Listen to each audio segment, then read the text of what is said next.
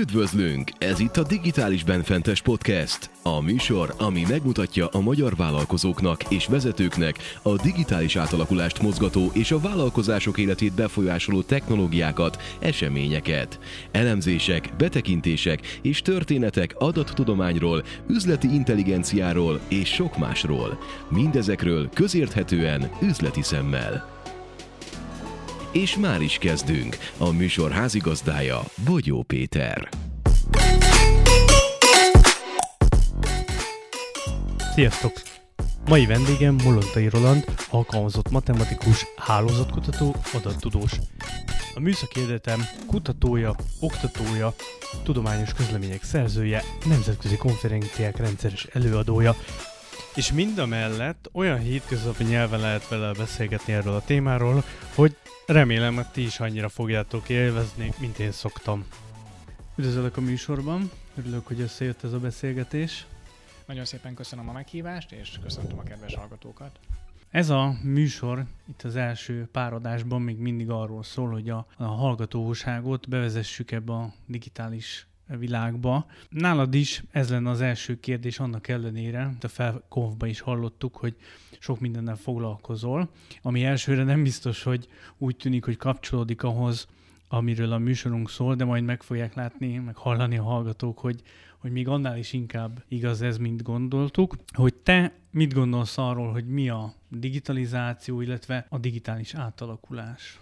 Az én nézőpontomból a digitális, digitális átalakulásnak az fő mozgató rugója az az, hogy ha digitálisan átalakulunk, és digitálisan rendelkezésre állnak az adatok könnyen, akkor ezeket az adatokat fel lehet dolgozni géptanulási algoritmusokkal, mesterséges intelligenciával, tudást nyerhető ki, üzleti haszonná alakítható az, ami eddig mondjuk analóg formában nem tudott olyan adatként megjelenni, amiből aztán, aztán ezekkel az új technológiákkal üzleti értéket lehet teremteni. Tehát én így látom, hogy a, hogy a digitalizáció, és így kapcsolódik az adattudományhoz, meg a géptanuláshoz ez a, ez a vonal, hogy, hogy a digitalizáció hát az a, azt teszi lehetővé, vagy az, a, az az első lépés, az a belépő ahhoz, hogy aztán, hogy aztán adattudományt csináljunk, hogy aztán mesterséges intelligencia algoritmusok, géptanulási algoritmusok üzleti értéket tudjanak teremteni. Még mielőtt nagyon megrémítjük a, a hallgatókat ezzel a mesterséges intelligenciás gépi tanulással, amiben majd azért belemegyünk, te digitalizációnak, illetve a digitalizációs folyamatban hova teszed azt, hogyha mondjuk van egy vállalat, és azt mondja, hogy oké, okay, rendben, de hát mi itt papírokon, meg rendelőlapokon, meg, meg ilyesmiken mi el vagyunk, hogy ők átállnak mondjuk első lépésben egy Excel, Excelbe kezdenek el dolgozni, ez már annak számít, illetve mennyire, mennyire hasznos ez a lépés a jelen környezetben, amikor már azért az Excel-t ugye meghaladtuk technológiailag. Én nem nézném le az Excel, tehát ez, ez abszolút uh-huh. annak számít. Az Excelben, hogyha rendelkezésre állnak az adatok, az, az pontosan ugyanolyan jó, mint hogyha, vagy ugyanolyan jó lehet, mint hogyha valami ennél szofisztikáltabb adatbázis környezetbe gyűjtenénk az adatokat, és hát valahol erre nincs is szükség. Tehát nyilvánvalóan egy kis cég nem fog egy adattárházat fölépíteni magának, hogy ott gyűjtse az adatokat, és ott tárolja, vagy a digitális, digitalizációnak az legyen az eredménye. Tehát az, hogyha a papír alap helyett Excelben dolgozunk, dolgozunk, szerintem az, az teljesen jó, és olyannyira, hogy mondom, hát egy bizonyos cégméret, vagy egy bizonyos ö, üzleti modell esetén itt meg is, itt be is fejeződhet, tehát hogy nem kell ennél szofisztikáltabb adatgyűjtés, hanem egy Excel is elegendő, és abból is nagyon sok érdekes, érdekes összefüggés kinyerhető az adatokból, akkor is, hogyha Excelben gyűjtjük, tehát hogy az, az, nem, nem, az nem lehet akadály. A, az adatgyűjtés szó kapcsán ugye az elmúlt évek alapján elsősorban mindenki a hirtelen a GDPR-ra fog uh, asszociálni. Mennyire nehéz szerinted a mostani környezetben adatot gyűjteni, vagy egy picit azért ez túl van misztifikálva ez az adatgyűjtés? Igen, ez egy, ez egy nagyon fontos kérdés, tehát ezt úgy látom, hogy, hogy pont, pont amit mondasz, hogy ha azt mondjuk, hogy adat, meg adatokat kell gyűjteni, tárolni, akkor nagyon sok cégvezetőnek akkor összerándul a gyomra, és össze, ö, összeszorul a gyomra, hogy huha, ez, ez, ez valami potenciális bajforrás. Itt, itt akkor a jogászok elkezdenek jogászkodni, akkor itt ebben ezzel, ezzel munkaerőt kell erre fordítani, hogy akkor az gyűjtse, hogy akkor az megfelelően legyen tárolva. Tehát, hogy ó, bárcsak csak ne lenne ez, bár csak ne lenne ez a nyűg, hogy mondjuk valamilyen ö, ellenőrző szervnek, vagy valamilyen más hatóságnak ezeket az adatokat át kell adni, vagy gyűjteni kell, és nagyon sok cégvezető ezt egy, hát egy, egy muszájnak, egy szükséges rossznak gondolja, és, és a negatív aspektusát látja. Szerintem bár nyilván ez, ez is igaz, vagy szóval, hogy én el, el tudom képzelni, hogy ez, ez sok helyen nyűg, és hogy tényleg ezeket a szabályokat betartani néhol nehézkes, persze bizonyosan fontos, meg az adatvédelem az nagyon is fontos. Ugyanakkor szerintem sok helyen, sok cégvezető szem, szempontjából egy szemléletváltásra lenne szükség, és arra, hogy lépjünk túl azon, hogy ez nyűg tárolni és gyűjteni ezeket az adatokat, és lássuk meg benne a potenciált, a kiaknázatlan lehetőséget, hogy ha már úgyis ott van a, a, az adat, ha már valamiért gyűjteni kell, vagy gyűjtjük, a, és úgyis meg kell felelni a GDPR-nak, akkor, akkor próbáljuk meg ebből kinyerni tényleg az információt, kinyerni az üzleti tudást, és, és egy lehetőségként tekinteni erre az adatra. Mi az, amit látsz még egyébként akadálynak, hogy egyáltalán gyűjtsék az adatokat a vállalatok?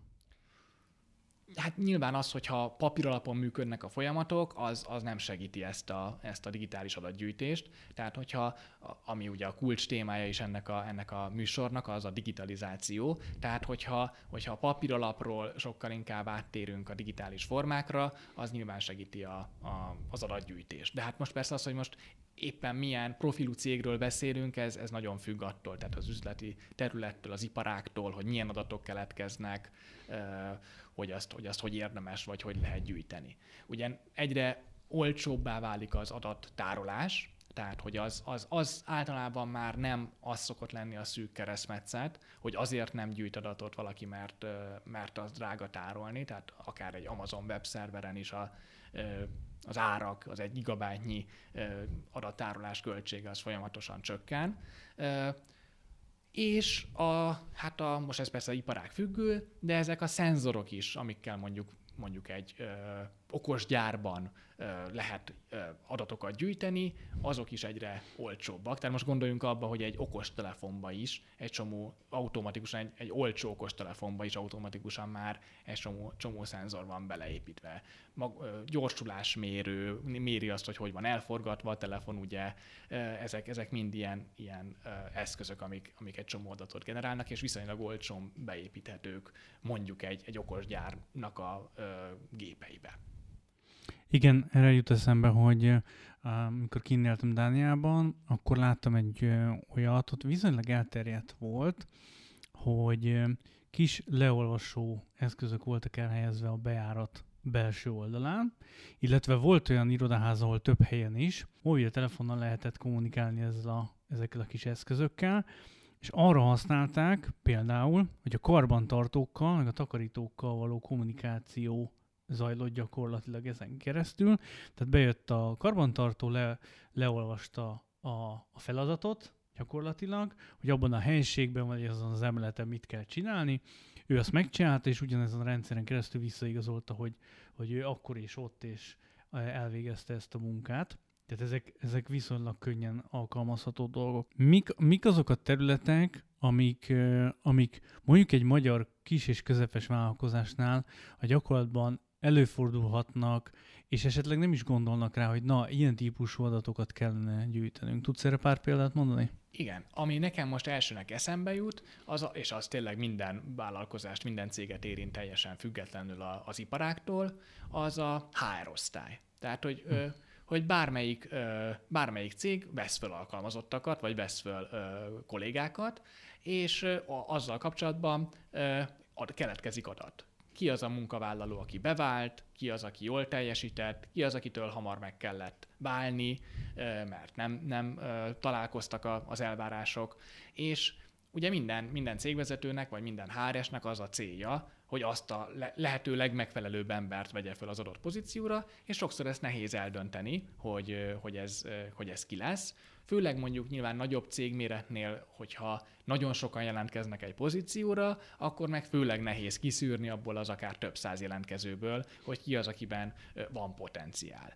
És ez például egy olyan dolog, hogy ha mondjuk ezeket az önéletrajzokat digitális formában, persze GDPR-ral teljesen kompatibilisan, és ennek, ennek nagyon nagy jogi szabályozási környezete van, hogy ezt hogyan lehet természetesen név nélkül, és így tovább. De hogyha ezeket eltároljuk, és, és rátanítunk egy tanító algoritmust arra, hogy ki az a munkavállaló, aki bevált, és ki az, aki nem, tehát, hogy egy, egy úgymond most szakszóval egy osztályozási feladatot, egy bináris osztályozási feladatot oldunk meg, hogy megtanul, megtanuljuk azokat a mintázatokat, hogy mi van egy olyan önéletrajzban, aki olyanhoz tartozik, aki jó munkaerő volt, bevált adott pozícióra, és mit tartalmaz egy olyan önéletrajz, ami kevésbé vált be akkor erre a mesterséges intelligencia géptanulás rátanul, és ez tudja segíteni a HR osztályt a működésében, a jó jelöltek megtalálásában.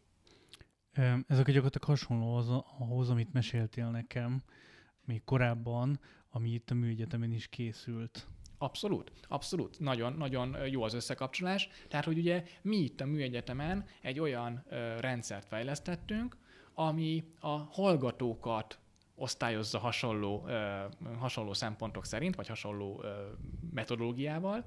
Arról van szó, hogy ugye bejönnek a hallgatók hozzánk gólyaként fel, a felvételi eljárásban felvesszük őket, már ekkor egy csomó mindent tudunk a hallgatóról.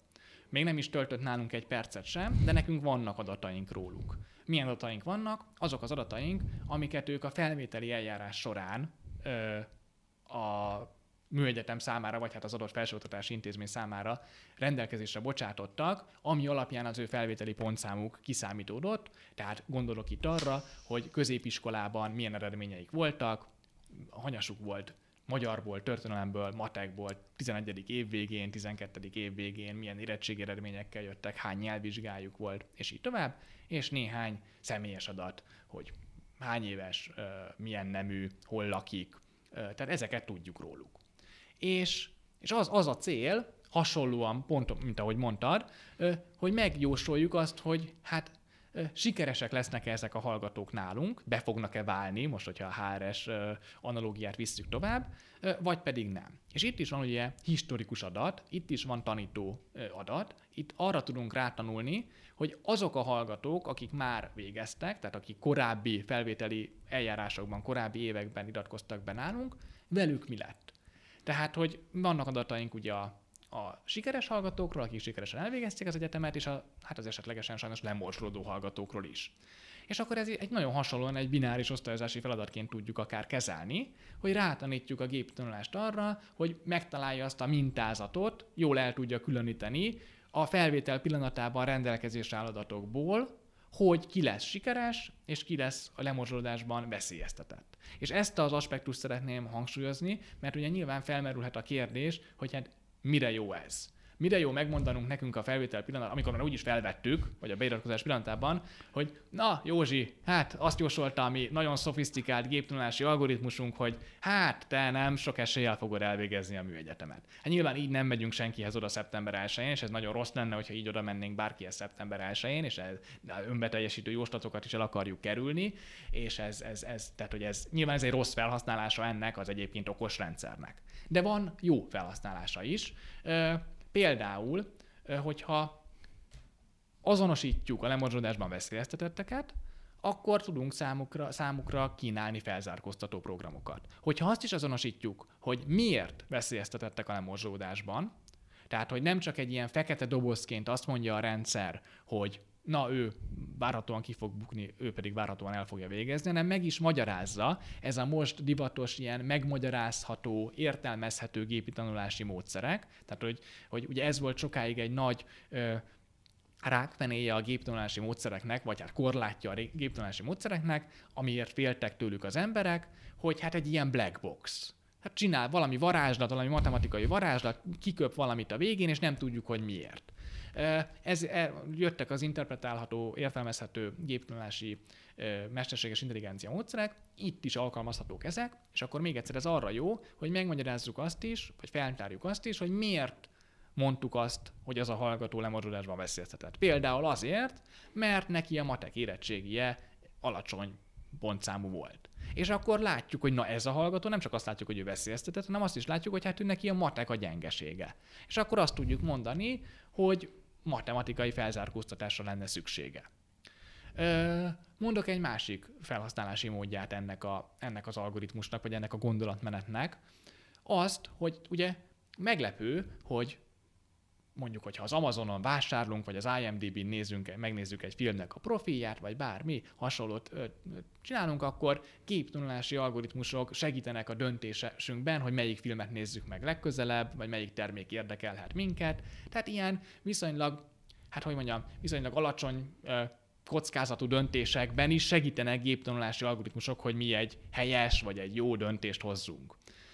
Ugyanakkor például egy olyan fontos döntésben, mint az embernek a pályaválasztása, nem segítenek minket adatalapú döntéstámogató rendszerek.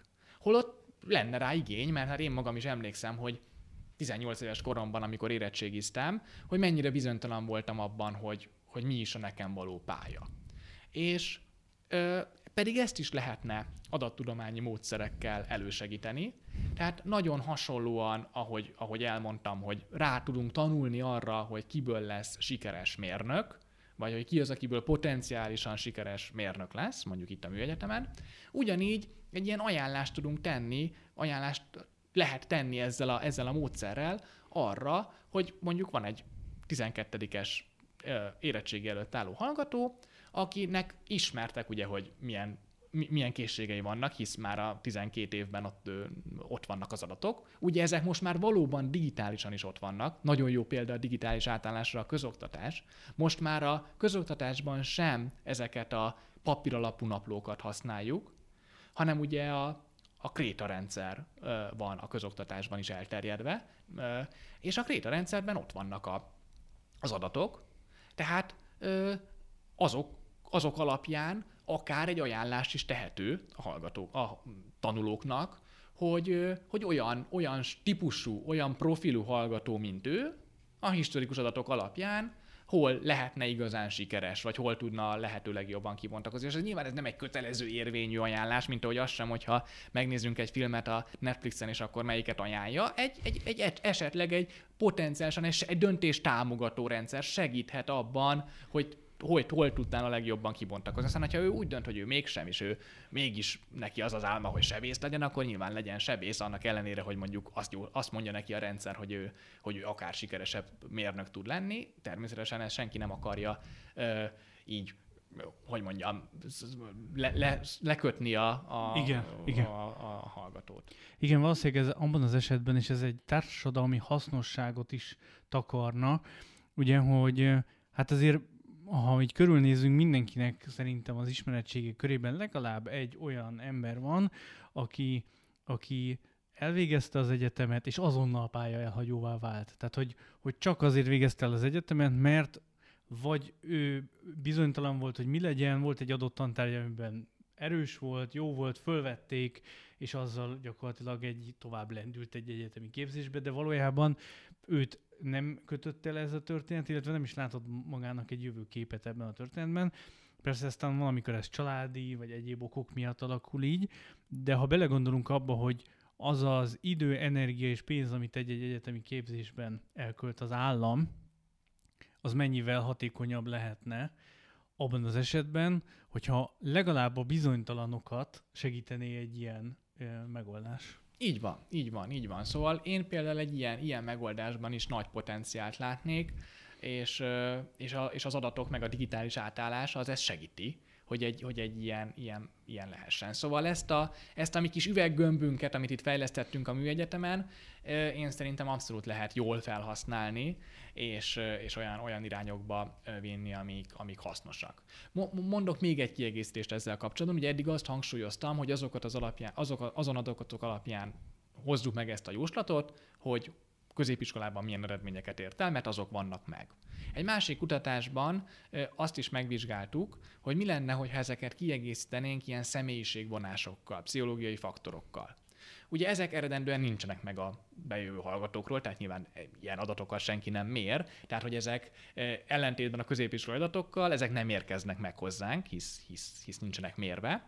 Ugyanakkor e, pár száz hallgató esetén egy e, a pszichológiai, tansz, pszichológiai tanszékre a Műegyetemen együttműködésben fel, felvettünk pszichológiai profilt a hallgatókról, és megnéztük azt, hogy hogy azzal kiegészítve, tehát azt hozzávéve a középiskolai profilhoz, vagy a középiskolai tanulmányi profilhoz, mennyivel adható jobb predikció. És azt találtuk, hogy igen, ennek is, enne, a pszichológiai faktoroknak abszolút van még plusz hozzáadott prediktív, inkrementális hozzáadott prediktív ereje, tehát érdemes akár ilyen irányba is elmozdulni, hogy egy, hogy egy személyiség tesztet, tehát ugye a pályaválasztási tanácsadók azért csinálnak ilyesmit, de hogy ezt akár lehetne egy kicsit nagyobb keretek között, hogy hogy, a, hogy mondjuk ez a, ez a kis ajánlórendszer, amit az előbb így vázoltam, akár kiegészít, tehát ki, lehetne egészíteni egy olyan, olyan vonzattal is, hogy, vagy olyan modullal, hogy akkor a személyiségteszt alapján is ő, ő jósol, hogy, hogy az, vagy nem jósol, hanem ajánl, hogy, hogy mi lehetne valakinek közel álló. Igen, erről egy másik jut eszembe, egy magyar telekommunikációs cégnél kerestek értékesítőket a már meglévő értékesítési csapatba, és nagyon sokáig küzdött a HR azzal, hogy megtalálják azt, a, azt az embert, aki az értékesítésben is jó megillik is a csapatba. És ugye adott pontig a klasszikus módszerrel, önéletrajzok alapján és interjúk alapján próbálták meg eldönteni, hogy ki az, aki jó, ki az, aki nem. És egy ponton, amikor már így sokadjára nagy nehezen, de nem találtak megfelelő embereket, tehát nem váltak be az emberek, akkor kipróbáltak egy olyan pszichológiai faktorokat ugye, tartalmazó megoldást, aminek az volt a lényege, Ugye sokszor lehet hallani játékosításról, a gamificationről, ami nem arról szó, hogy, hogy most játszunk, és az valahogy a munka, hanem fordítva, hogy olyan képességeket mér a játékokon keresztül, mint például a, a gyorsaság, a feladatmegoldás, tehát a komplexitás mérése, vagy maga egy matematikai művelet elvégzésének a sebessége, és ezek, ezekből egy megfelelő ugye, pszichológus csapat össze tud állítani egy 5-6 játékból álló kis csomagot, ami már megfelelő arra, hogy, hogy ilyen értelme egy ilyen kis profilt ö, tudjon alkotni. A csavar ebben most az volt, hogy ezt első körben a már bent dolgozó, si, kvázi sikeres és együtt jól működő csapat tagjaival végeztették el, tehát nem az volt, hogy ráhúztak egy profilt, hogy mi ezt keressük, uh-huh, hanem azt uh-huh, mondták, uh-huh. hogy nézzük meg, hogy mi a profil, és utána kitöltették ezt a jelentkezőkkel, és a legközelebbi mintázatot keresték, ugye, akkor hasonlóan, mint amit te is mondasz, hogy a már sikeres egyetemistákból próbálunk következtetni akkor, hogy hol találjuk meg így van, így őket. És gyakorlatilag ez is, ez is a végén ide torkolott, és így találtak olyan embereket, akiket például az önéletrajzok alapján be sem hívtak volna interjúra. Uh-huh. Igen, igen. Hát nagyon érdekes, amit mondasz, és, és ez is alátámasztja azt, hogy hogy igen, tehát hogy ezeknek a soft skilleknek, vagy a pszichológiai profilnak is, is van hozzáadott prediktív ereje abban, hogy valaki hogy fog, hogy fog teljesíteni, vagy hogy be fog-e válni egy adott pozícióban. Illetve hát amit mondasz, hát a, a, amit csináltak ebben a cégben, akkor az az volt, hogy hát a tanítóhalmazt definiálták azáltal, hogy a már meglévő kollégáknál, akinél tudták, hogy beváltak, azoknál is el, elvégezték ezt a, ezt a profil, profil alkotást. Igen, még egy dolog jutott eszembe a, a, az előzőről, amit mondtál, csak egy kicsit az üzleti vonalat is megmutassuk ugyanezen a, a logika mentén, hogy a Mindenki hazudik című könyvben, akit, amit mindenkinek ajánlok, aki érdeklődik a témakör iránt, főleg a adattudomány, itt a big data, meg a hasznosítás terén, nagyon sok példa van benne, konkrét példa, ugyan amerikai szerző amerikai példákkal, de áthozhatóak, tehát szerintem abszolút megállják a helyüket. Az ottani nagy kereskedelmi lánc, és itt, itt jön a lényeg, hogy nem kell, hogy digitális termékünk, szolgáltatásunk legyen, hogy alkalmazzuk a, a digitalizáció előnyeit. Azt csinálták, hogy megvizsgálták a vásárlási adatokat, ugye az árukészlet meg az eladási adatokból, és fantasztikus összefüggéseket tett. Például észrevették azt, hogy időjárás függő bizonyos termékek vásárlása. És innentől kezdve prediktívé vált a dolog, hiszen azt mondta, hogy ha a múltban ilyen időjárás esetén ilyen vásárlás történik, akkor én előre, ugye az időjárás előrejelzést behúzom plusz adatként, és azt tudom mondani, hogy akkor ezen a héten ezeket a termékeket ki kell rakni az első sorba, mert hogy ennek a fogyását még jobban ugye elősegítsük, és akkor a vásárló is úgy érzi, hogy minthogyha gondolkoztak volna helyette. Így van. Ugye ennek egyik-egyik legsarkatosabb, vagy leg, leglátványosabb példája az, hogy Amerikában ugye sok a tornádó, vi, nagy viharok vannak, és az ekközben fogyó elemlámpa, elem, hideg élelem, stb., hogy ezeket ugye pont ezekkel az erőjelzésekkel együtt csodálatosan tudják alkalmazni egy áruházláncban. Igen, igen, igen. És hát arra is rá tudok csatlakozni, hogy amit elől raknak ki a pénztárakhoz közel, abból fogy mindig a legtöbb. Pont ma hallottam a rádióban, hogy hogy erről készült egy angol kutatás is, ezt megerősítette ezt, a, ezt, a, ezt amit mindenki érez, és és hogy ezáltal ugye azt, hogy most általában csokoládé édesség van kint ott a kasszák mellett, több csokoládé és édesség fogy, és egészségesebbé lehetné, te, egészségesebbé lehetné tenne, tenni a nemzetet, hogyha ott gyümölcs vagy zöldség lenne, és akár, akár ezt a boltok is megfontolhatják, vagy az állami szabályozók, hogy, hogy így, így lehet a, egy, egy, egy ország egészséges nevelésére jó irányba hatni. Igen. Még egy picit beszéljünk az előző kapcsán arról, hogy amiket mondasz, adatgyűjtések, azt fontos kihangsúlyozni szerintem, de majd akkor megerősítés, hogy megcáfolsz ebben, hogy arra mindig figyelni kell, hogy azok az adatok, amihez hasonlítunk, azok változnak-e, hiszen az emberek adataival gazdálkodunk, legyenek azok egyetemi hallgatók, jelentkezők egy állásra, vagy ügyfelek, akik vásárolnak, hogy az emberek változnak, a szokásaik is változnak, tehát figyelnünk kell arra, hogy az a modell, amit felállítunk, az kövesse ezt változást. Ez nagyon fontos, amit mondasz. Ez így van. Ez, és ebbe, ebbe ugye főleg a kezdő adattudósok ebbe, ebbe belefutnak ebbe a hibába, hogy ezt nem veszik figyelembe.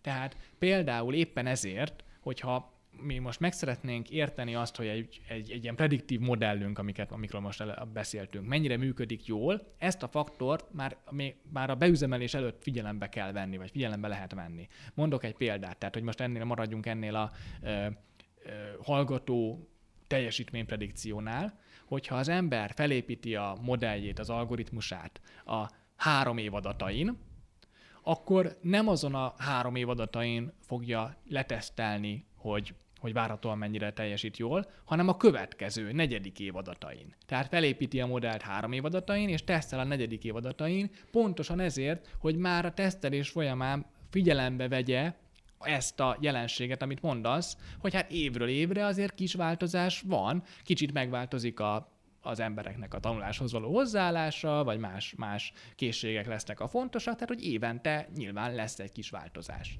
De ezt már, erre már a, tudunk tesztelni, hogy mekkora ez a változás, már a modellalkotási fázisban is, és aztán pedig, ahogy mondod, e, erre folyamatosan oda kell figyelni, és akár ez egy, ez egy kis munkát jelent, tehát nincs, nincs kész rendszer, hanem ezen egy picit mindig utómunkában dolgozni kell, utána kell húzalozni a rendszert, hogy, hogy lekövesse ezt a, ezt a változást. Embereknél, hogyha időben fejlődő folyamatot figyelünk meg, mint ahogy mondjuk egy, vagy egy olyan értelemben, hogy most a felvételi eljárás ugye évente van, akkor ezt évente jó újra, újra húzalozni. Most arról beszéltünk, hogy vannak adatok, elkezdjük őket különböző módszerekkel feldolgozni és hasznosítani. Mi az, amit figyelembe kell venni, amikor egy cég azt mondja, hogy jó, rendben, akkor mostantól nem csak úgy gyűjtöm az adatokat, hanem akkor legyünk ebbe tudatosak.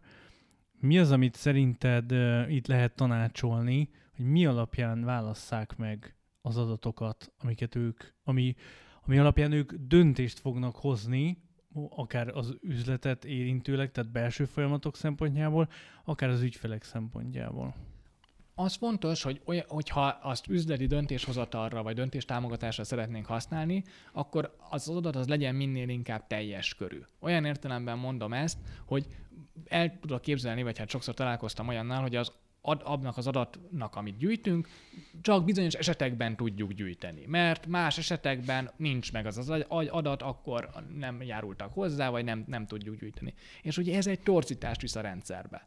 Tehát mindig csak azzal tudunk dolgozni, ami megvan. Tehát, hogyha ha torzítás van az adatban, akkor torzítás lesz az eredményben is. Éppen ezért arra, arra mindenképpen most, hogyha ilyen általánosságban beszélünk, most az iparág függetlenül, hogy, hogy az az adat, amit gyűjtünk, az reprezentatív legyen a teljes sokaságra, ö, ö, vagy a teljes populációra, vagy most, hogyha emberekről van szó, de hogyha nem emberekről van szó, akkor is mindenképpen reprezentatív legyen az adat ar- arra a valóságra, amiben élünk. Tehát, hogy e, e, ilyen globális tanácsként ezt, ezt tudom mondani erre. Mit gondolsz egyébként, hogyha most így végnézed azokat a, azokat a cégeket, vagy azt, azokat az ágazatokat, ahol akiket te találkoztál, dolgoztál, mennyire nyitott a magyar KKV erre a változásra, illetve hogy hol tart uh-huh. a most egy kicsit, ha általánosabban nézzük ezt a témát, hol tartanak ők ebben a folyamatban? Igen, ez egy nagyon érdekes kérdés, mert sok, sok KKV, sok magyar KKV úgy tekint erre, hogy hát ez a, ez a nagyok játszótere, hogy, hogy most itt gépi tanulás, meg mesterséges intelligencia, meg adatokkal való bűvészkedés, hogy ez, hát ez nem nekünk való, ez, ez, ez, ez nem, a, nem a mi cégméretünkben hozza el igazán a, a várt sikereket, és, és ezt át is engedik ezt a, ezt, ezt úgymond a, a nagyoknak. Azért vannak persze kivételek, tehát hogy nem, nem szeretnék általánosítani, de, de sokszor ez a, ez a mentalitás, és ebben szerintem nincs, nincs igazuk, vagy nincs teljesen igazuk, tehát hogy abszolút van keresni valójuk a, a kis közepes vállalkozásoknak, és ők is ö, tudják a folyamataikat ten, hatékonyabbá tenni, vagy üzleti értéket kinyerni eh, azokból az adatokból, amiket, amiket ők gyűjtenek. Tehát e, egy, a kérdésedre válaszolva, tehát látok egy kicsit egy ilyen, hát nem is az, hogy ellenállás, de egy kicsit félelmet attól, hogy, hogy hát most ebbe belevágni, ez nagy macera, nekünk nincs meg erre a feltétlen a személyi állományunk, nincs meg mondjuk a nemzetközi know-how erre, mondjuk mint egy multinacionális cégnél, és akkor itt egy kis félelem van ilyenkor azt tudom mondani, vagy tanácsolni, hogy hát erre vannak az mindenféle tanácsadó cégek, a tudományi tanácsadó cégek, vagy digitális átállás segítő cégek is, hogy nem, nem feltétlen, tehát nyilván nem minden cégméret engedheti meg magának azt, hogy egy data scientist csoportot, vagy adattudós csoportot ö, házon belül ö, rekrutáljon és ez, erre nincs is feltétlen szükség. Tehát, hogy én hiszek abban, hogy, hogy az adattudományi cégek ilyenkor tudnak segíteni, és valami projekt alapú fél éves, követéssel együtt dolgozva, megtervezve az adat begyűjtési folyamattól, az adatelemzési folyamaton át az egész, egész folyam, az egész rendszert, sok, sok, sok információ érték keletkezhet így. Most ennek kapcsán az jutott eszembe, hogy ennek egy jó alternatívája tud az lenni, hogyha a cégen belül valakit valamilyen mértékben kiképzünk ebbe a, az adattudós vonalba, ugye ez egy elég, elég nagy és széles skála, amin itt lehet mozogni, de vannak nagyon könnyen, akár ingyenesen is elérhető képzések ezzel kapcsolatban, mondjuk az az eleje, és a skála végén meg van nálatok akár a, akár a műegyetemen is az egyetemi szintű képzése. Hogyha egy picit ezen, ezen e, e, elidőzünk, akkor te például ismered-e a Google-nek a Data Analyst e, képzését, amit kiadott? Megmondom őszintén, azt, azt konkrétan nem ismerem, de, de sok ilyen uh, interneten elérhető anyagot uh-huh. ismerek, és képzést ismerek. Most, ha ezeket, ezeket így végig gondolod, akkor mennyire tud segíteni mondjuk egy cégen belül, aki azt mondja, hogy jó, arra nincs keretünk, hogy mi most itt egy konkrét csapatot felállítsunk, de mondjuk veszünk egy jobb képességű embert a cégen belül, akire rábízzuk, hogy végezzen egy ilyen kis tanfolyamot, tud-e ez segíteni, tehát elegendő tudást tud-e abból szerezni, hogy egy, egy ilyen kisebb cég már nyerjen ezzel, hogy na igen, az adatok ne csak be legyenek gyűjtve, hanem fel is legyenek dolgozva. Azt gondolom, hogy, hogy ez, is, ez is egy jó megoldás lehet. Tehát, hogy igen, az interneten rendkívül sok és jó segédanyag áll rendelkezésre, akár a kurzérán, akár az Udemy-n, tehát, hogy én, én, is, én, én is szoktam ajánlani a hallgatóknak, vagy a Data Camp, ami egy ilyen adattudomány, célzottan adattudományjal foglalkozó oldal, ahol sok interaktív online kurzus van, részben ingyenesen, azért nagyobb részben fizetősen elérhető. Szóval ezek, ezek jók, én nem akarom azt mondani, hogy ezek nem jók. Ezekbe is, ezek is azért igazán akkor jók, hogyha az ember, mint ahogy ez az egyetemi képzéssel is nyilván így van, hogyha elég hogyha hallgató, vagy a munkatárs elég energiát fektet ezekbe bele, és tényleg valami belső motiváció. Tehát nem csak azért, mert a főnök azt mondta, hogy ezt most hallgassam végig, és jaj, de jó, most munkaidőben nem a munkámat kell csinálni, hanem most képezhetem magam, és végighallgatom, hanem hogyha tényleg valami belső motiváció van, elhivatottság, erre, hogy ez, ezeket megtanulja, akkor, akkor természetesen. Azért nyilván ez, ezek, ezek nem könnyű dolgok, tehát hogy a, az adattudomány, gépi tanulás, mesterséges intelligencia, ott azért egy ö, nagyfokú matematikai érettség is kell ahhoz, hogy, hogy ezeket megfelelően tudja használni az ember. Nyilván a programozási tudás is elengedhetetlen, tehát hogy, hogy, hogy azért itt, itt ezek, ezek nem, nem egyszerű fogalmak, nem egyszerű dolgok, de meg lehet őket tanulni, és hát nyilván nem mindegy, hogy milyen szintről indul az ember, most olyan, olyan értelemben, hogy ez a matek informatika vonalon, tehát egy, egy informatikus, vagy egy matematikus, fizikus, még hogyha nem is foglalkozott előtte ezekkel a dolgokkal, ő sokkal könnyebben fel tudja ezt szedni, mint, mint mondjuk egy HRS kolléga, aki, aki azelőtt távol állt tőle az, hogy, az, hogy ezekkel foglalkozzon. Tehát például most egy, egy HRS kollégát nem hiszem, hogy, hogy érdemes lenne elküldeni ilyen, ilyen továbbképzésekre. Ott az lehet a megoldás, és ilyenről is tudok, hogy a HR osztályra delegálnak egy úgynevezett ilyen HR adattudóst, aki csak a HR osztály munkáját segíti, vagy pedig hát persze a másik, hogy, hogy egy ilyen tanácsadó céget vesztek, vesztek igénybe. Hogyha elmegyünk az egyetemi képzés felé, akkor mi az, amit, tehát hogy mennyire tartott például te konkurenciának akár a Google képzését, mondjuk egy egyetemi adattudós képzéshez képest, illetve hogy mi az, ami, mi az, ami a végén, amikor a két végzőst összehasonlítjuk, szerinted a legnagyobb különbség lesz? Ö, nagyon jó a kérdés. Megmondom őszintén, én még nem, nem találkoztam olyannal, aki, aki most ennek a Google-nek az akadémiáját végezte volna el, és akkor, tehát így nincs összehasonlítási mm. alapom. Ö, olyannal találkoztam már, aki, aki, aki persze, akinek már volt egy egyetemi diplomája, és aztán tovább képezte magát online. Ilyennel mhm. találkoztam, uh-huh. és ezek, ezek tudnak jól működni.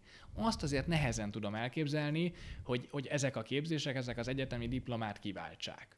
Tehát azt, azt még egyszer, azt, azt nagyon könnyen el tudom képzelni, hogy egyetemi diploma után valaki úgymond a felnőtt oktatásban, vagy a ö, élethosszig tartó tanulás ö, ö, során ö, ezek, ezekkel tovább képzi magát, de szerintem nem tudja helyettesíteni azt, aminek az egyet, ami, amit az egyetem csinál. Tehát azért mi az egyetemen gondolkodni, tanít, gondolkodni is megtanulni, vagy legalábbis szeretjük ezt hinni, hogy, tehát, hogy, hogy nem csak arról van szó, hogy az egyetemi képzésnek az a célja, hogy akkor most azt a programnyelvet megtanult, vagy most azt, a, azt az, konkrétan azt az algoritmus megtanul. Nyilván ezek ez, ez egy eszköz, meg, meg hogyha az az algoritmus, meg az a programnyelv aztán tényleg használható az üzleti életben, akkor még jobb, de hogy azért itt, itt mi tényleg gondolkodni tanítunk, itt egy tanterv van, tehát itt egymásra épülnek a tárgyak, ugye ez nem, ez nem, nem annyira szokásos. Online kurzus valaki elvégez egyet, aztán, tehát itt, itt egy tanterv van, az nem véletlenül van az a tanterv, egymásra épülnek a tárgyak, visszautalnak az oktatók másik tárgyakra, tehát ez egy,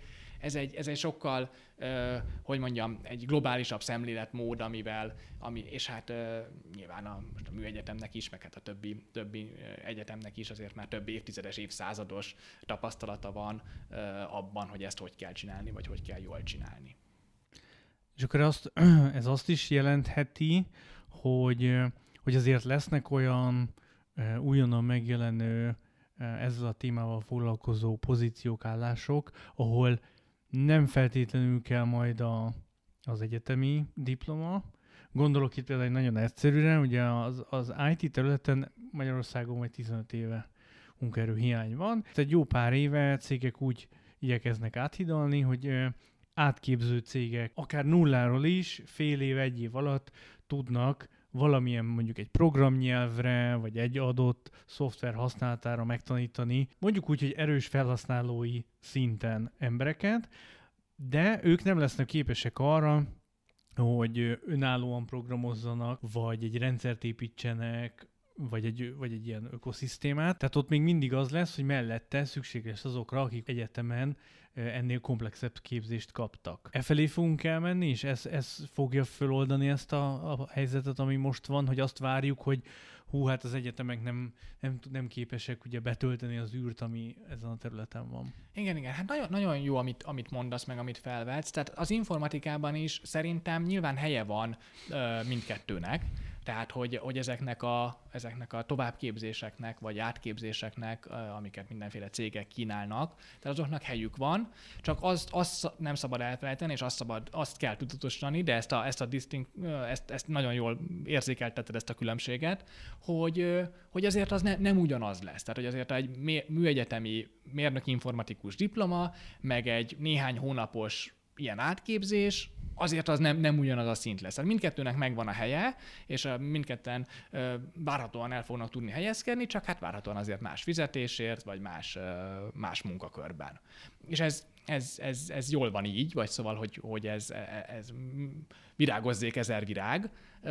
És az adattudományt tekintve, ugye most az adattudomány azért az még ott tart, hogy ott elsősorban azért magasan kvalifikált, jól képzett mesterdiplomával, akár PhD diplomával, de mindenképpen egyetemi diplomával rendelkező emberek mennek el adat tudósnak, vagy ilyen mesterséges intelligencia mérnöknek, vagy, vagy gépi tanulás szakértőnek nevezzük, nevezzük bárhogy is ezeket a pozíciókat, de várok egy demokratizálódást a piacon, olyan értelemben, hogy, hogy nyilván az adattudomány, meg az adattudományi eszközök nem csak azoknak lesznek elérhetőek, és ez már most is így van, akik PhD-val rendelkező adattudósok, meg mesterdiplomával rendelkező matematikusok, fizikusok, informatikusok, hanem, hanem ez demokratizálódni fog. Hát erre egy jó példa, hogy nem tudom, pár száz évvel ezelőtt mondjuk dokumentumot szerkeszteni, könyvet nyomtatni, hát azt csak a nyomdászok tudtak, és hát az egy, azt nagyon sokáig kellett tanulni, hogy valaki nyomdász lehessen, és egy, egy könyvet ki tudjon adni, vagy, vagy, vagy hogy legalábbis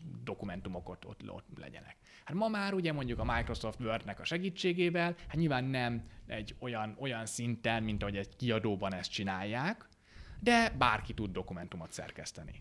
Ezt várom az adattudománynál is, tehát nem azt mondom, hogy ahogy nem szűnt meg a nyomdász, és nem szűnt meg a kiadvány szerkesztő, és az egy komoly szakma, és azt tanulni kell, de más is tud dokumentumot szerkeszteni.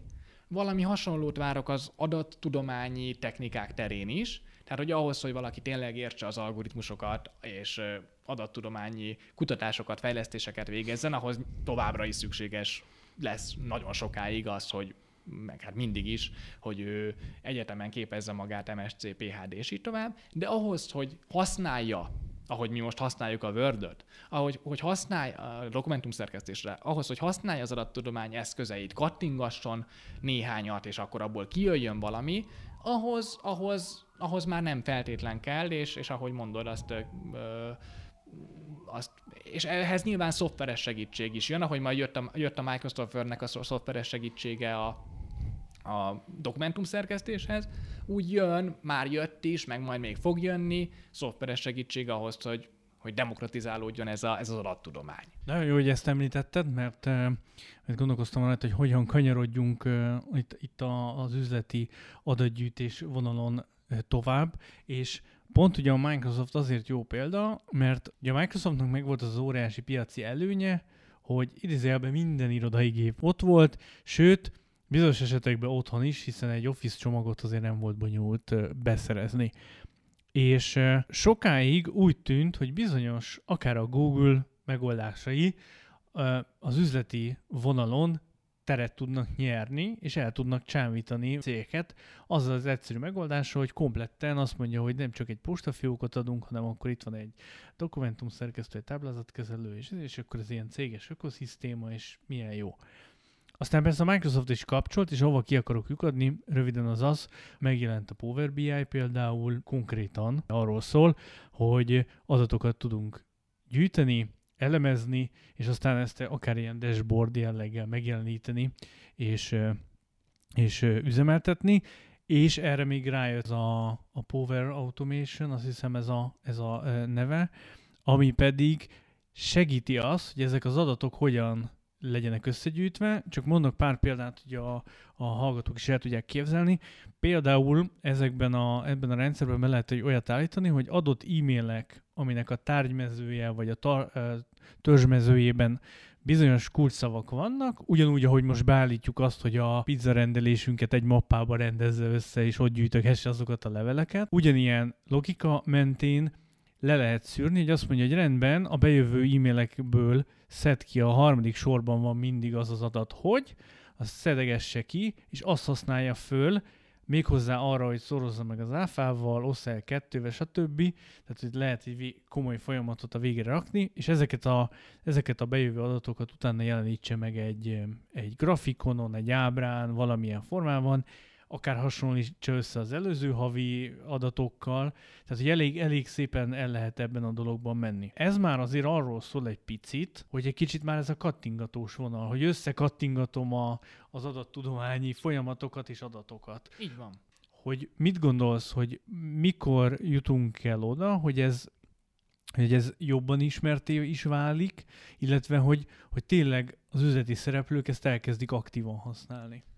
Szerintem itt nagy felelőssége van a, az oktatásnak is, tehát ö, én arra számítok, hogy nem csak tehát ilyen szoftvereket, vagy, vagy, vagy ezt az egész adatos világot nem csak az erre specializálódott szakemberek fogják tanulni, hanem ahogy mondjuk matekot sem csak matematikusok tanulnak. Tehát matekot tanul minden közgazdász, minden mérnök, tehát, hogy gyakorlatilag mondjuk a, az egyetemi oktatásnak, hát most nem tudom, hogy hány százaléka, vagy a szakok hány százaléka, de hát egy nagyon markáns százalékán van valamilyen szintű matek. Most azt hagyjuk, hogy ezt szokták-e szeretni a hallgatók, vagy nem. Mi azon vagyunk itt a matek intézetben, hogy minél inkább szeressék, de, de minden esetre van matek. Tehát nem, nem csak a matematikus tanul matekot. Mert hogy a összes természettudománynak, gazdaságtudománynak, a műszaki tudományoknak az alapja a matek és arra számítok, hogy hasonlóan ez az adatos világ, vagy ez az adatos szemléletmód, vagy a mesterséges intelligencia, most tök mindegy, hogy milyen buzzword aggatunk Igen. rá, de hogy ez, ez, amiről beszélünk, ez, ez ott lesz a, a tárházában, hát mindenki másnak is, ahogy, ahogy, ahogy deriválni is mindenki tanul, úgy ezeket az adatos, adatos készségeket is mindenki el fogja sajátítani. És erre vannak is azért már jó kezdeményezések. Tehát például a Mesterséges Intelligencia Koalíciónak van egy olyan kezdeményezése, hogy, hogy több, több tízezer vagy akár százezer ember szerezzen valami nagyon minimális, vagy, vagy legalábbis nem nagyon minimális, de legalábbis valamilyen ö, tudást a mesterséges intelligencia ökoszisztémáról.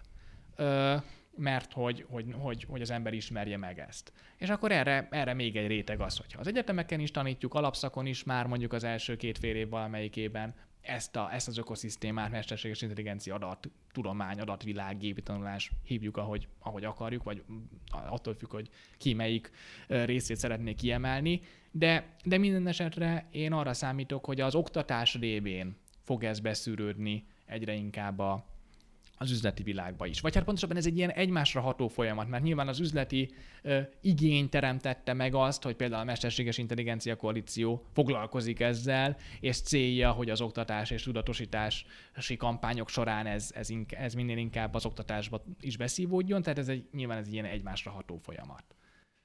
Igen, meg tudom erősíteni egyébként, hogy ennek, ennek már vannak bizonyos jelei. A saját fiamnál láttam, tavaly negyedikes volt, akkor már tanultak olyan programozást, amivel ugye kis teknős békával jártak körbe, és különböző ábrákat kellett rajzolni. Ez a Comenius logó, nem? Így van, így van, és már ott láttam azt, hogy nem önmagában uh, egyszerűen az van, hogy a gyerek megtanulja azt, hogy jó, balra, jobbra, milyen kör, stb., hanem elkezdenek, tehát a gondolkodásmód, amire te is utaltál, hogy tényleg gondolkodni tanítja meg, tehát hogy azt mondja, hogy ha ekkorát fordulok, és, és már látom, hogy fejben ez már szépen összerakja, egészen odáig, hogy most ötödikben ugye megkapták a tankönyveiket, digitális kultúra néven, tehát nem informatika tankönyv van, hanem digitális kultúra, és már az első fejezetben a robotok és a robotizáció van. Én azt mondom, hogy ahhoz képest egy ötödikes, ahhoz képest nagyon, nagyon részletesen és és praktikusan, tehát nem az van, hogy hát majd egyszer jönnek a robotok, és akkor egy kutya, és akkor lehet vele játszani, hanem, hanem az, hogy na, ezt hogyan, a Comenius logóból hogyan, hogyan jutunk el oda, hogy robotok dolgoznak uh-huh. egy gyárban, vagy, vagy, vagy segítik az embernek a, a mindennapi életét. Te egyébként hogy látod, hogy, mert ugye ez, a, ez az oktatási vonal, Igen. ez ugye itt ilyen értelemben látszik az, hogy ez akkor befolyik. De hogyan látod azt, hogy hogyan lehetne a, a cég, azokat, a, főleg azokat a cégvezetőket, akik már vagy a kor- korosztály miatt már nem esnek ilyen oktatási vonalak alá, meg mondjuk nem is szocializálódtak azon, hogy mondjuk ilyen ö, képzésre járjanak, vagy, vagy konferenciákra járjanak, hogy hogyan lehetne őket becsatornázni egy olyan ugye, ilyen, ilyen vonalba, ahol pont ezekről a dolgokról lenne szó. Tehát, hogy, hogy, hogy látsz erre valami igen. megoldást? Igen, igen. Hát ö, éppen ezért, tehát, hogy ezt mi is nagyon fontosnak tartjuk, hogy, a, hogy az üzleti döntéshozók, felsővezetők, középvezetők, cégvezetők is tisztában legyenek ezekkel a folyamatokkal, vagy ezekkel az adattudomány, mesterséges intelligencia kulcsszavakkal, és például mi itt a, a műegyetemen az MBA-n, tehát ami ugye egy ilyen vezető képző szak, is betettünk egy olyan tárgyat, ami ami ezt hivatott elősegíteni, üzleti analitika néven fut, és én oktatom, szóval, szóval mi a magunk módszereivel ezt, ezt próbáljuk erősíteni. Ugyanakkor egy, egy, egy, egy dologra hagy hívjam még ezzel kapcsolatban fel a figyelmet, hogy sokszor azért van, ne feledjük, vagy ne hallgassuk el azt se, hogy vannak azért főleg a felső vezetők között, akik átesnek úgymond a ló túloldalára, hm. és meghallották azt, vagy meghallják azt, hogy hú, ez, a, ez most egy ilyen hogy ez most szexi, hogy most ezt kell csinálni, és hogy most valószínűleg a német nagyfőnök annak fog örülni, hogyha ő el tudja mondani az éves riportjában azt, hogy van mesterséges intelligencia, mert az milyen jó, és hogy azért. És tényleg jó, tehát hogy én abszolút most ugye arról beszéltem meg, én azt képviselem, hogy ez tényleg nagyon jó, és eznek tényleg üzleti haszna van. Ugyanakkor azt is látni kell, hogy, hogy, hogy vannak, amikor nem ezek a megoldások a legjobbak. Tehát, hogy van, amikor egy hagyományosabb megközelítés akár jobb tud lenni, mint egy, mint egy nagyon szofisztikált gépi tanulási megközelítés. Tehát ilyen is lehet.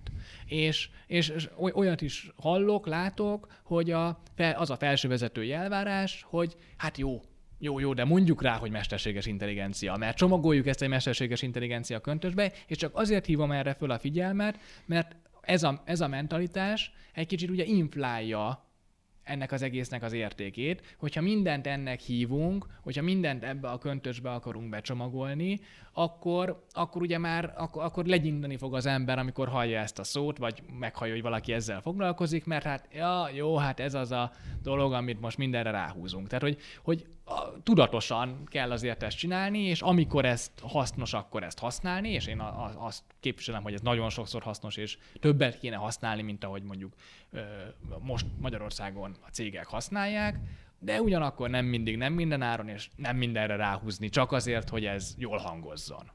Igen, ugye, ahogy szoktál mondani, hogy a megfelelő feladat az a megfelelő szerszámok, tehát itt is erről van szó.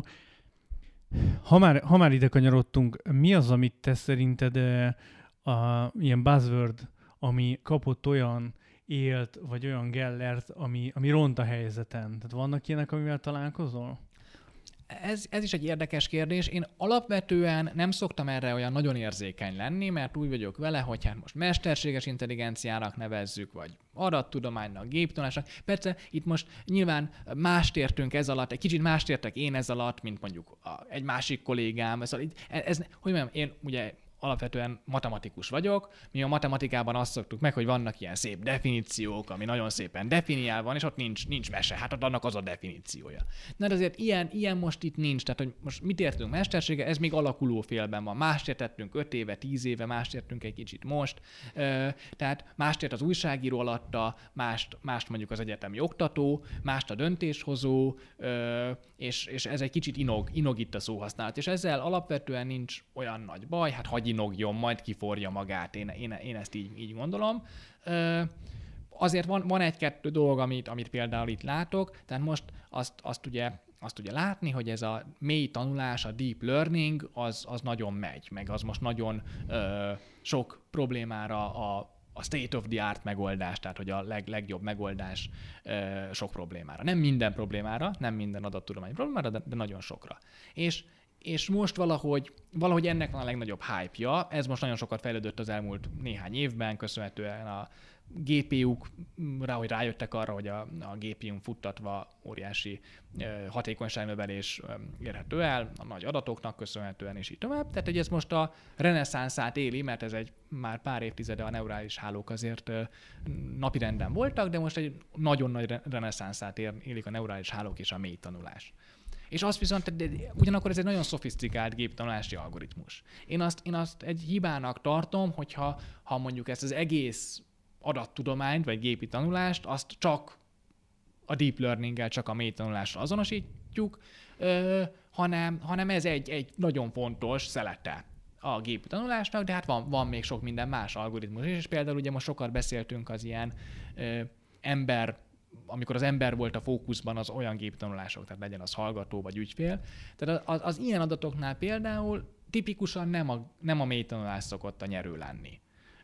Képfeldolgozásnál, hangfeldolgozásnál, videó, ilyesminél abszolút a, a mélytanulás a nyerő, de, de nem mindig. Tehát ez például egy olyan dolog, amit szerintem célszerű helyre rakni, hogy, hogy nem feltétlen mélytanulással kell kezdeni, nem csak a mélytanulás, ami, ami, amit, amit porondon van.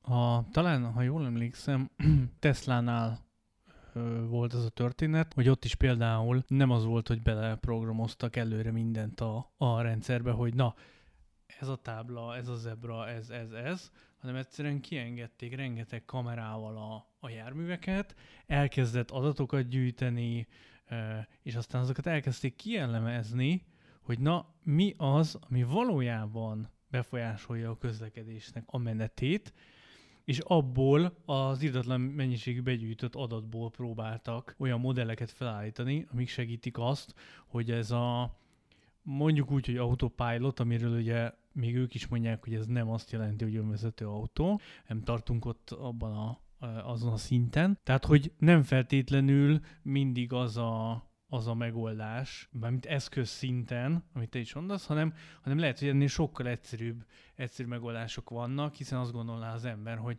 miért kamerák, hát ma már vannak szenzorok, be lehetne táplálni a GPS adatokat, meg hogy milyen tábla van az utcán, de a valóság az, hogy mi sem úgy ülünk be az autóba, hogy tudom én, hogy a 216-os kilométeren ott lesz, lesz egy ilyen enyhe jobbos kanyar, ami, ami majd bedől, ami után van két tábla, hanem ugye, ahogy mi is autót vezetünk, főleg a vizuális készségeinkre vagyunk hagyatkozva. Igen, igen, igen. Tehát, hogy ez a, az önvezető autózás előtt a biztosan nagy jövő áll, ott biztosan a géptanulási technikák elengedhetetlenek. Ott egyébként, a, ugye az előbbi, ezt a mélytanulásról beszéltem, ott a mélytanulás az, ami, az, ami a, ami a jövő, meg ami, ami nagyon sokat tud segíteni.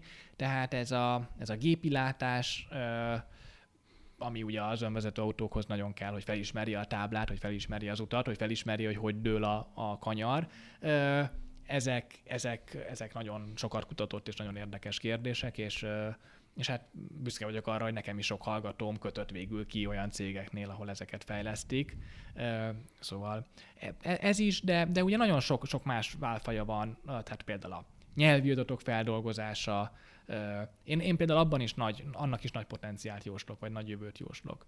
Én a, olyan fejlettek tudnak lenni már ezek, a, ezek, a, ezek az eszközök. Tehát most gondoljunk arra, hogy például mi nézzünk egy YouTube-on egy videót, mondjuk főleg, hogyha angolul nézzük, akkor, hogyha bekapcsoljuk az automatikus feliratozást, tehát nem az, hogy nekünk valaki előre feliratoz, tehát úgy könnyű, de automatikusan feliratozza, és szinte tökéletesen, jó, akkor, hogyha szépen érthetően, tehát ha nincs nagy zaj, nem zajos, de nagyon-nagyon nagy hatékonysággal szépen feliratozza, hogy, hogy miről van szó, vagy hogy, tehát, hogy mi hangzik el.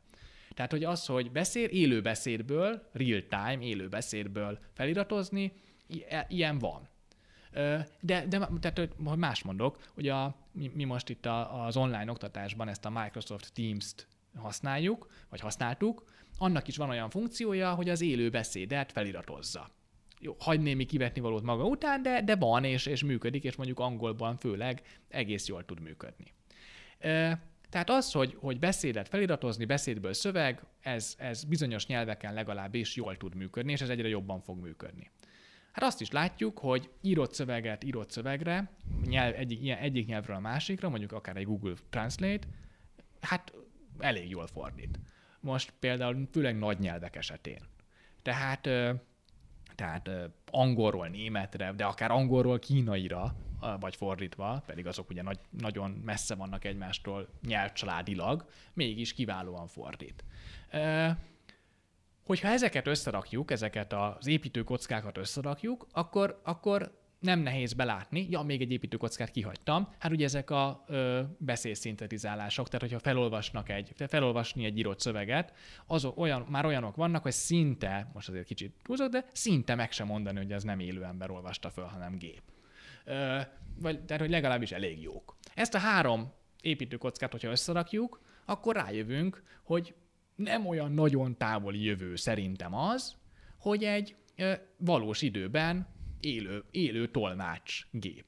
Tehát ilyen van persze, tehát ilyen azért most is van, hogy, hogy meg lehet kérni a Sirit, hogy legyen az embernek a tolmácsa, és akkor mond valamit magyarul, és az lefordítja angolul, de azért még nem az igazi. Tehát, de de, de ez, e, ezeket így összerakva, és én azt, azt jóslom ezáltal, és erről, erről szerintem nem beszélnek sokat, tehát ez a, ez a médiában meg sehol nem, nem kap elég nagy figyelmet, meg veszélyes is erre nagy figyelmet hang, fordítani, de, de hogy én azt gondolom, hogy így a nyelvtudás, mint olyan, az kevésbé lesz ezáltal értékes, mert egyszerűen mindenki, hogyha az anyanyelvén beszél, hogyha ilyen jól működnek ezek a fordítóprogramok, akár már beszédszinten is, nem csak írásban, akkor akkor, akkor nem, nem olyan nagyon nagy szám öt nyelvet tudni, vagy hát hobbinak jó, de, de a munkaerőpiacon az nem annyira nagyon értékes tudás lesz. Szerintem ez most tényleg egy személyes jóslat.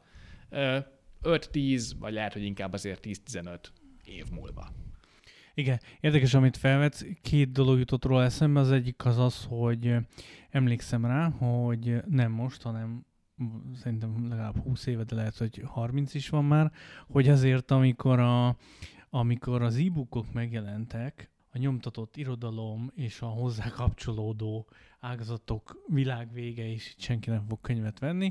Ehhez képest a valóság az, hogy az emberi faktor az annyira közbeszólt, hogy szeretjük megfogni, megtapogatni és megszagolgatni az új könyveket, hogy gyakorlatilag szerintem nem túlzás azt mondani, hogy virágzik a, a, a könyvnyomtatás, meg a, a könyvkereskedelem maga a fizikai valóságában, miközben Miközben azért a, az e-bookok, tehát az elektronikus könyvek is terjednek. Kultúránként más-más, mert azt látjuk, hogy angol száz területen teljesen más a vásárlói szokás is, felhasználói szokás is.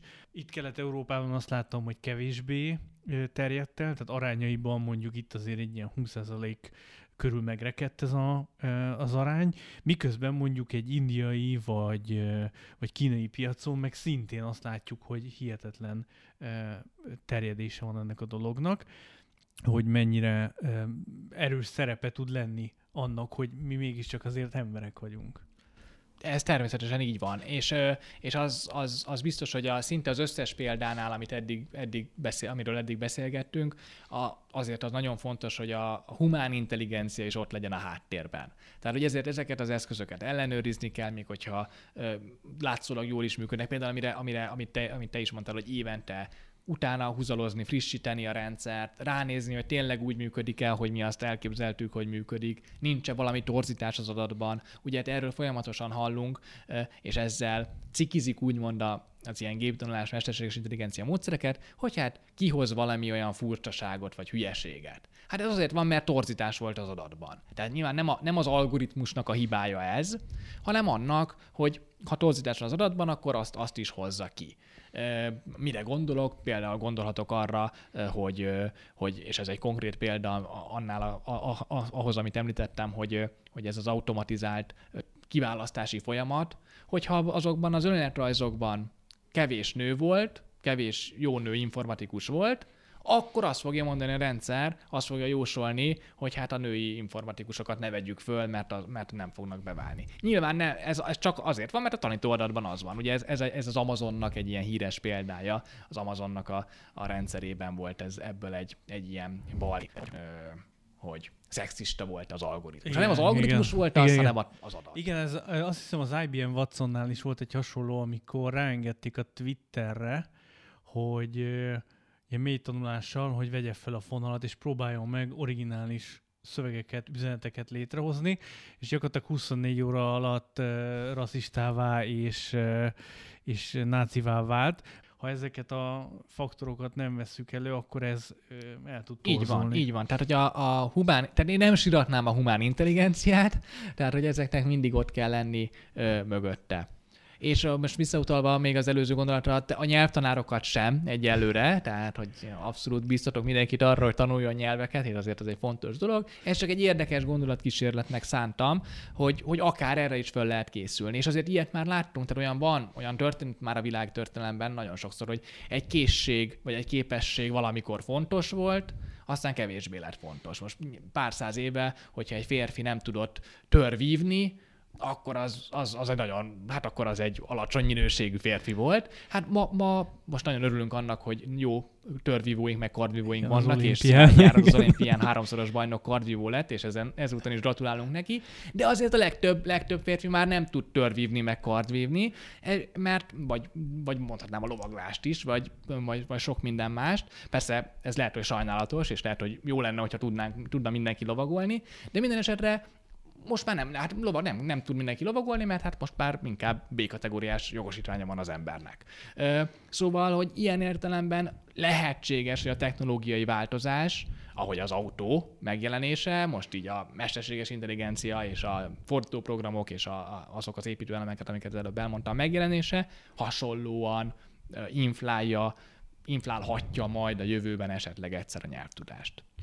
Ha most egy kicsit eh, kitekintünk ilyen jövő jelleggel, hogy mi az, amit el tudsz képzelni, hogy hol lesz ennek a határa? Tehát ugye eh, fejlődik, fejlődik, tanul, mondjuk úgy, hogy önálló, tehát tényleges, mesterséges, és aztán önálló életre kelve elkezd dolgozni, hogy, eh, hogy hol lesznek ennek a határai, akár az etikai, meg a humán interakciós határai, mi az, amit te most erről gondolsz? Igen, hát ugye erről nagyon sok skifi film, meg könyv szól, itt még nem tartunk. Tehát a, so, a legtöbb ember, amikor laikus, amikor arról beszélünk, hogy mesterséges intelligencia, akkor hát a 2001 űrödüsszelja és a hasonló skifi filmek uh, jutnak eszébe, hogy aztán akkor a mesterséges intelligencia átveszi a hatalmat, és uh, ugye van, van, van ez a ez a robo, robotetika, vagy roboetika tudománya, ami Igen. ezzel foglalkozik, és akkor ott egy ilyen, egy ilyen vicces felvetés, hogy hát most tanítsunk ki a mesterséges intelligenciának etikát.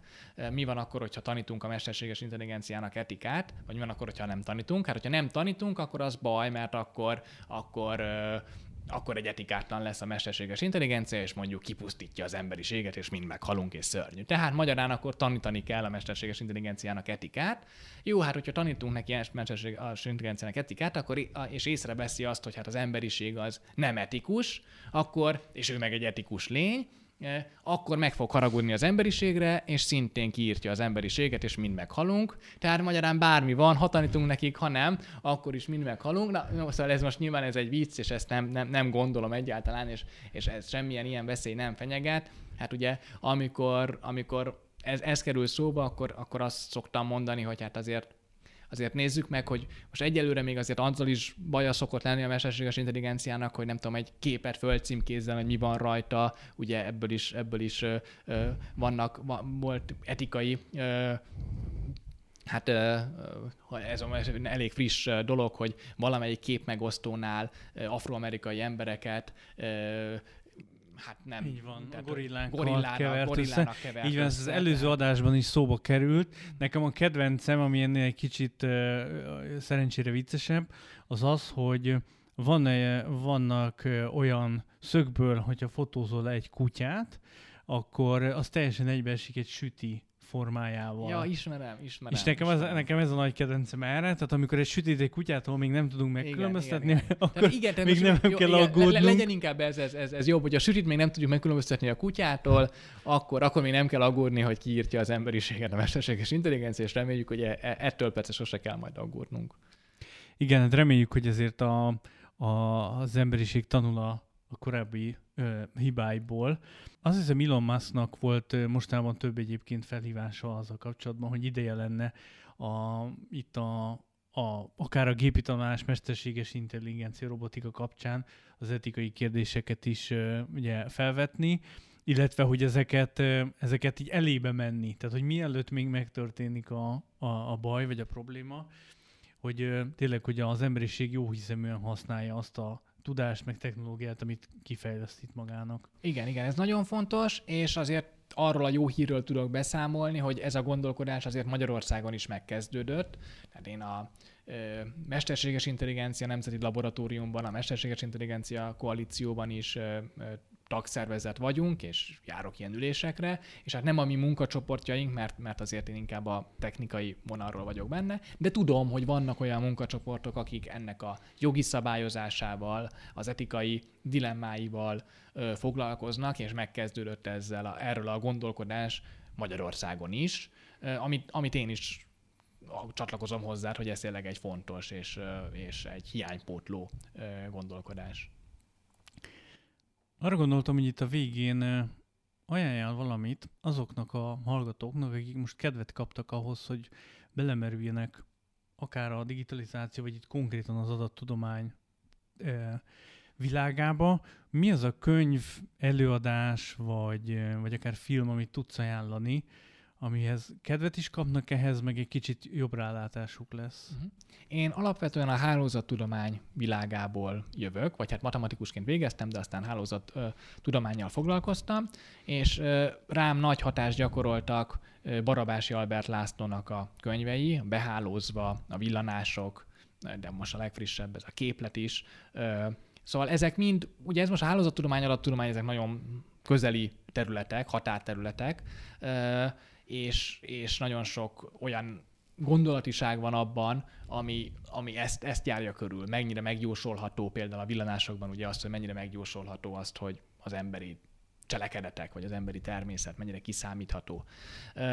Tehát ez, ez, ez, ezeket a könyveket feltétlenül ajánlom, és az a mennyire megjósolható az emberi cselekedet, erről, erről szól egy szerintem egy elég jó film, ami persze egy kicsit más szempontból, most itt a Külön Vélemény című filmre gondolok Tom Cruise főszereplésével, tehát az, az ugye arra világít rá, itt megint itt az etikai dilemmákra is, hogy hát azért nyilván nagyon, és én most ezt képviseltem végig, hogy hát nagyon jó az, hogy, hogyha ezek az algoritmusok segítik a döntéseinket, és, és döntéstámogatást, és üzleti életben, meg a társadalomban is ezek értékteremtőek, de nyilván ennek van egy határa, és ugye a külön véleményben, hát most anélkül, hogy spoilereznék, de ugye az arról szól, hogy anélkül, hogy elkövetne valaki egy bűncselekményt, már börtönbe zárják, mert ilyen prekognitív képességekkel rendelkező lények, most itt nálunk ez legyen a mesterséges intelligencia, megjósolja, hogy el fogja követni az adott bűncselekményt. És még mielőtt ez bekövetkezne, már, már börtönbe helyezik.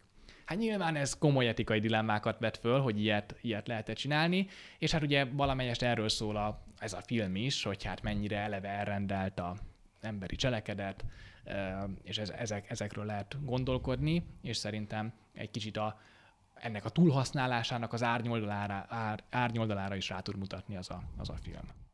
Nagyon szépen köszönöm, ezek nagyon jó ajánlatok voltak. Bíztatok mindenkit, hogy hát nézze meg a filmet, és kezdjen el olvasni. Neked pedig nagyon szépen köszönöm, hogy itt voltál, és segítettél elmerülni ebben a témában. Remélem, hogy majd még fogjuk tudni folytatni. Én köszönöm szépen a meghívást, nagyon jól éreztem magamat a beszélgetésen, és remélem, hogy, hogy érdekesnek találták a kedves hallgatók is. Hallgatóknak pedig köszönjük a figyelmet, nem sokára találkozunk, sziasztok!